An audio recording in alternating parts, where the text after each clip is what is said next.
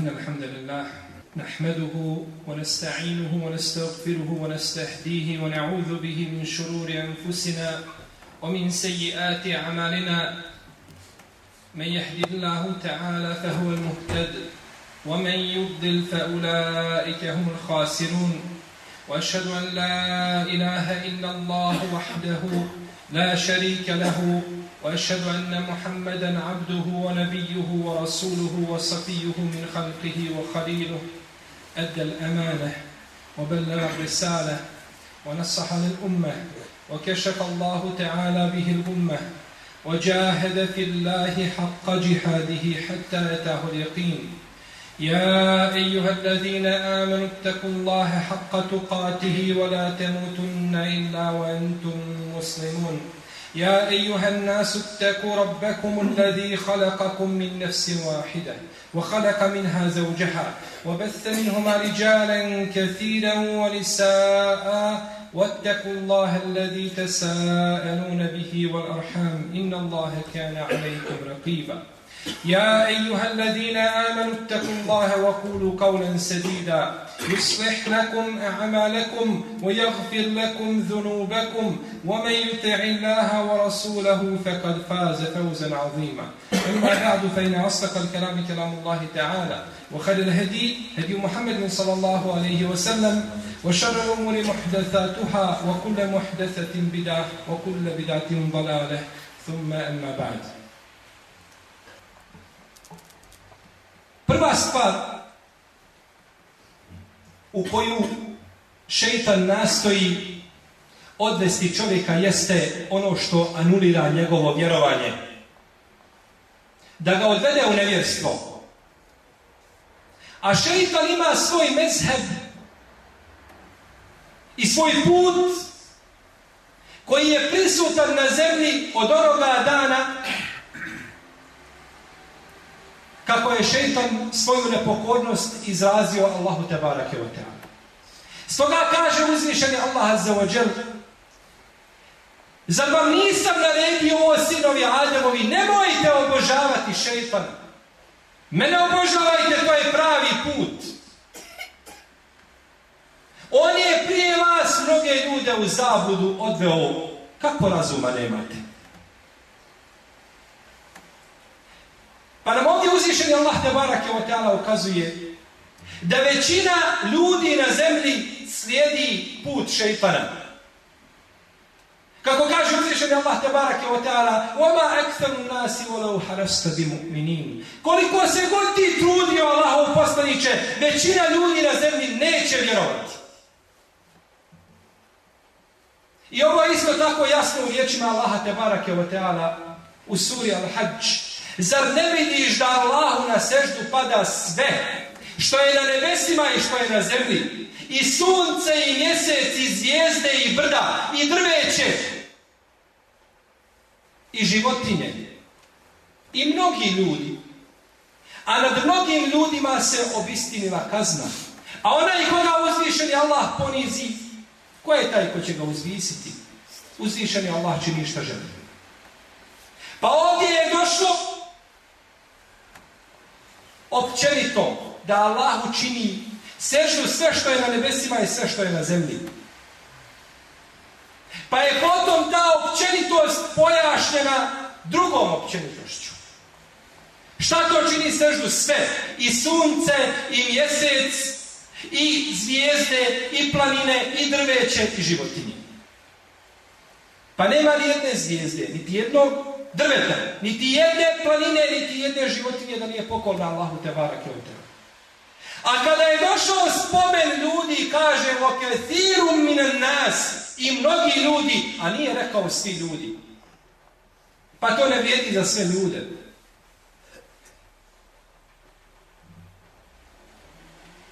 Pa kada šeitan ne može čovjeka odvesti u nevjerstvo, onda nastoji da ga odvede tamo gdje će zaslužiti bolnu patnju i kaznu.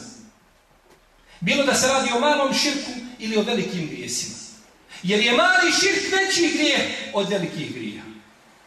No međutim ne izvodi čovjeka iz okvira islama. I od grijeha u koje šeitan nastoji uvesti čovjeka i uljepšava mu te grijehe jeste kamata. Da radi i da posluje kamatnim sistemom. A uzvišen je Allah je zabranio kamatu u svojoj knjizi. I također poslanik sallallahu alaihi u sunnetu. I složna je ulema iz prvih i podunjih generacija da je kamata najveći grijeh. Nakon nevjerstva Allahu te barake u Kaže uzvišen je Allah Azođele. O vjernici, bojite se Allaha i prođite se kamate, preostalog dijela kamate. Ako ste vjernici,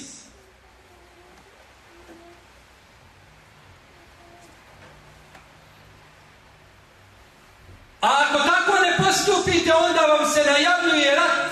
Nagovješćuje vam se rat od Allaha i od poslanika. E budite sigurni znači da ste objavili rat Allahu i poslaniku. Kaže Ibn Abbas radijallahu anhu, kazat će se čovjeku koji jede kabatu na sudnjem danu, uzmi svoje oružje i počni. Odpočni sa ratom koji ti je objavljen. I rekao Ibn Abbas, ako čovjek stalno koristi kamatu i radi sa kamatom i neće da se prođe toga grijeha, dozvoljeno je ili obavezajem imamu muslimana da ga ubije. Kao primjer drugima. I kaže uzvišeni stvoritelj barake o Teana, oni koji jedu kamatu ne ustaju osim kao što ustaje onaj koga je šepan izbezumio svojim dodirom. Zato što oni govore zaista je trgovina kao kamata. Pa pogledajte šta su kazali. Zaista je trgovina kao kamata pa su učinili kamatu osnovom, a trgovinu porede kamatom. Nisu kazali zaista je kamata kao trgovina. I nisu kazali nije kamata ništa drugo do vi trgovine i slično. Ne, nego kažu innevel veju mislu riba, kažu trgovina je kao kamata. To je zbog toga što su ogrezli ovome grijehu, pa su ga učinili osnovom u poslovanju i na toj osnovi sedjeli. Pa halal, čisti halal, mjere sa čistim haramom. Kaže Auf ibn Malik radijallahu anhu da je poslanik sallallahu alaihi sallam rekao Doći će čovjek koji je jeo kamatu na sudnjem danu lud. Je da izbezumljen. Potom je proučio ajet u kome i Allah Žešanu kaže je kumune الربا لا يقومون إلا كما يقوم tuhu šeitanu min al mes. A u predaj Enesa Malika doći će čovjek na sudnji dan koji ja u kamatu lud i vuče svoju desnu i lijevu stranu po zemlji. Kako? Allah najbolje zna. I od, predak, od sudnjega dana jeste da će se pojaviti kamata. I nemoral. I korištenje alkohola. Pa ako se to nije pojavilo u našem vremenu, kod muslimana mnogi, da ne govorimo kod drugih, onda ne znam kada će se to pojaviti. Rekao je poslanik sallallahu alejhi ve u hadisu koga ne prenosi Abdullah ibn Hanzale, koji je nazvan onaj koga su kupali meleki. Jer je na dan Uhuda bio džunup, pa je čuo poziv za bitku na Uhudu, pa je izišao, pa je preselio. Pa su ga meleki gasulili. Kaže Abdullah, čuo sam poslanika sallallahu alaihi sallam da je rekao jedan dirhem kamate, jedan dirhem kamate, to je najmanja mjerna, valutna mjerna jedinica, koji čovjek pojede, a zna da je kamata, to je gore kod Allaha, nego da učini 36 puta ne mora. I kazao je poslanik sallallahu alaihi sallam, kamata ima 72 stepena. Najniži oblik kamate je kao da čovjek opći sa vlastitom majkom. I kazao je poslanik sallallahu alaihi wa u hadisom Abdullah ibn Mas'uda koga bilježi imam el Bezar koji je vjerodostojan Širk ima 70 ili kamata ima 70 i nešto stepeni, a isto toliko ima i širk. Pa je usporedio kamatu sa najvećim grijehom općenito, a to je širk. I stoga je poslanik sallallahu alejhi ve prokleo skupinu ljudi koji rade sa kamatom. Pa kaže Džabir radijallahu anhu, prokleo je poslanik sallallahu alejhi onoga koji jede kamatu i onaj kome se daje i onaj ko potpisuje i onaj ko svjedoči, pa kaže hum va. Oni su isti u grijehu. Svi su isti u grijehu. I kaže poslanik sallallahu alejhi ve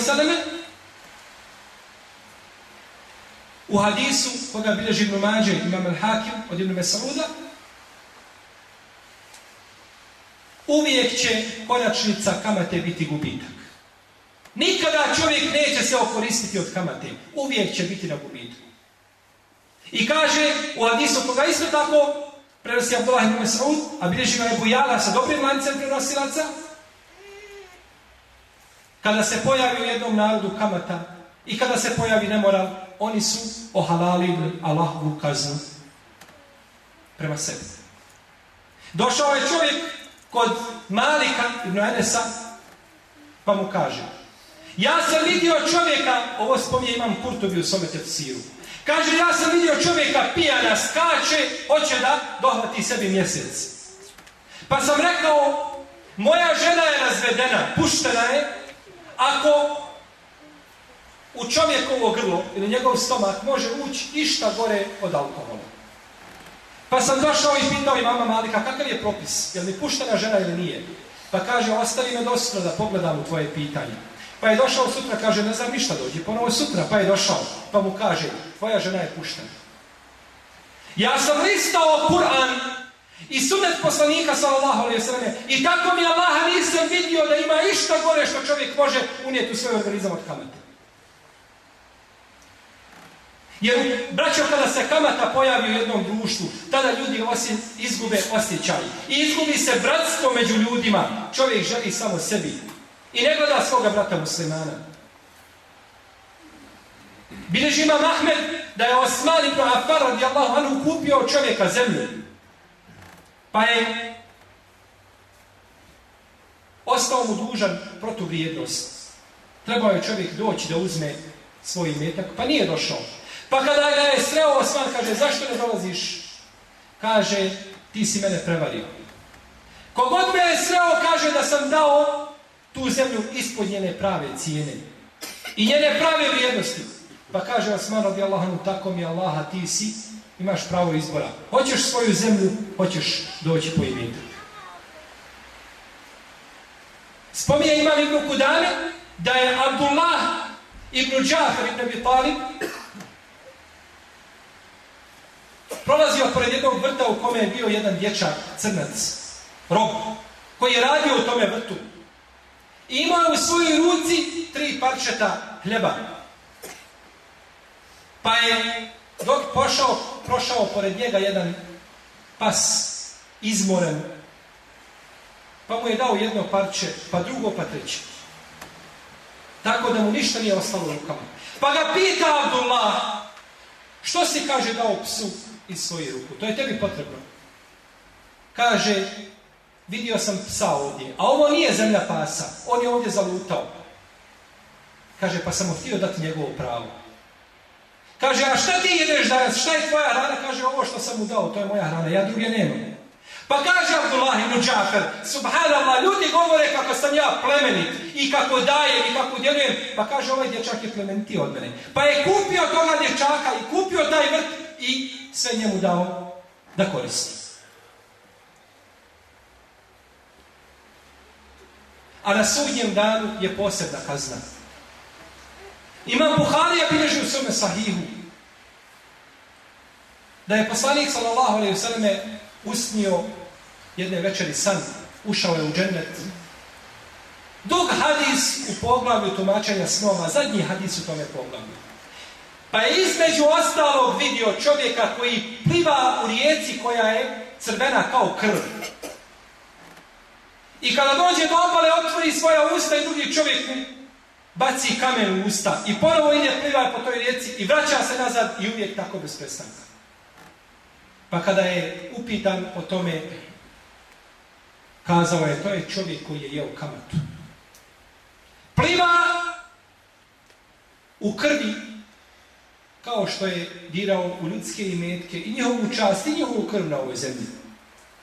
Pa je, draga moja braćo, kamata jedan od najvećih griha kod uzvišenog Allaha Tebarake o Teala i obaveza je muslimanu da ga se prođe ne tražeći olakšice lijevo i desno, jer olakšica po pitanju kamate nema.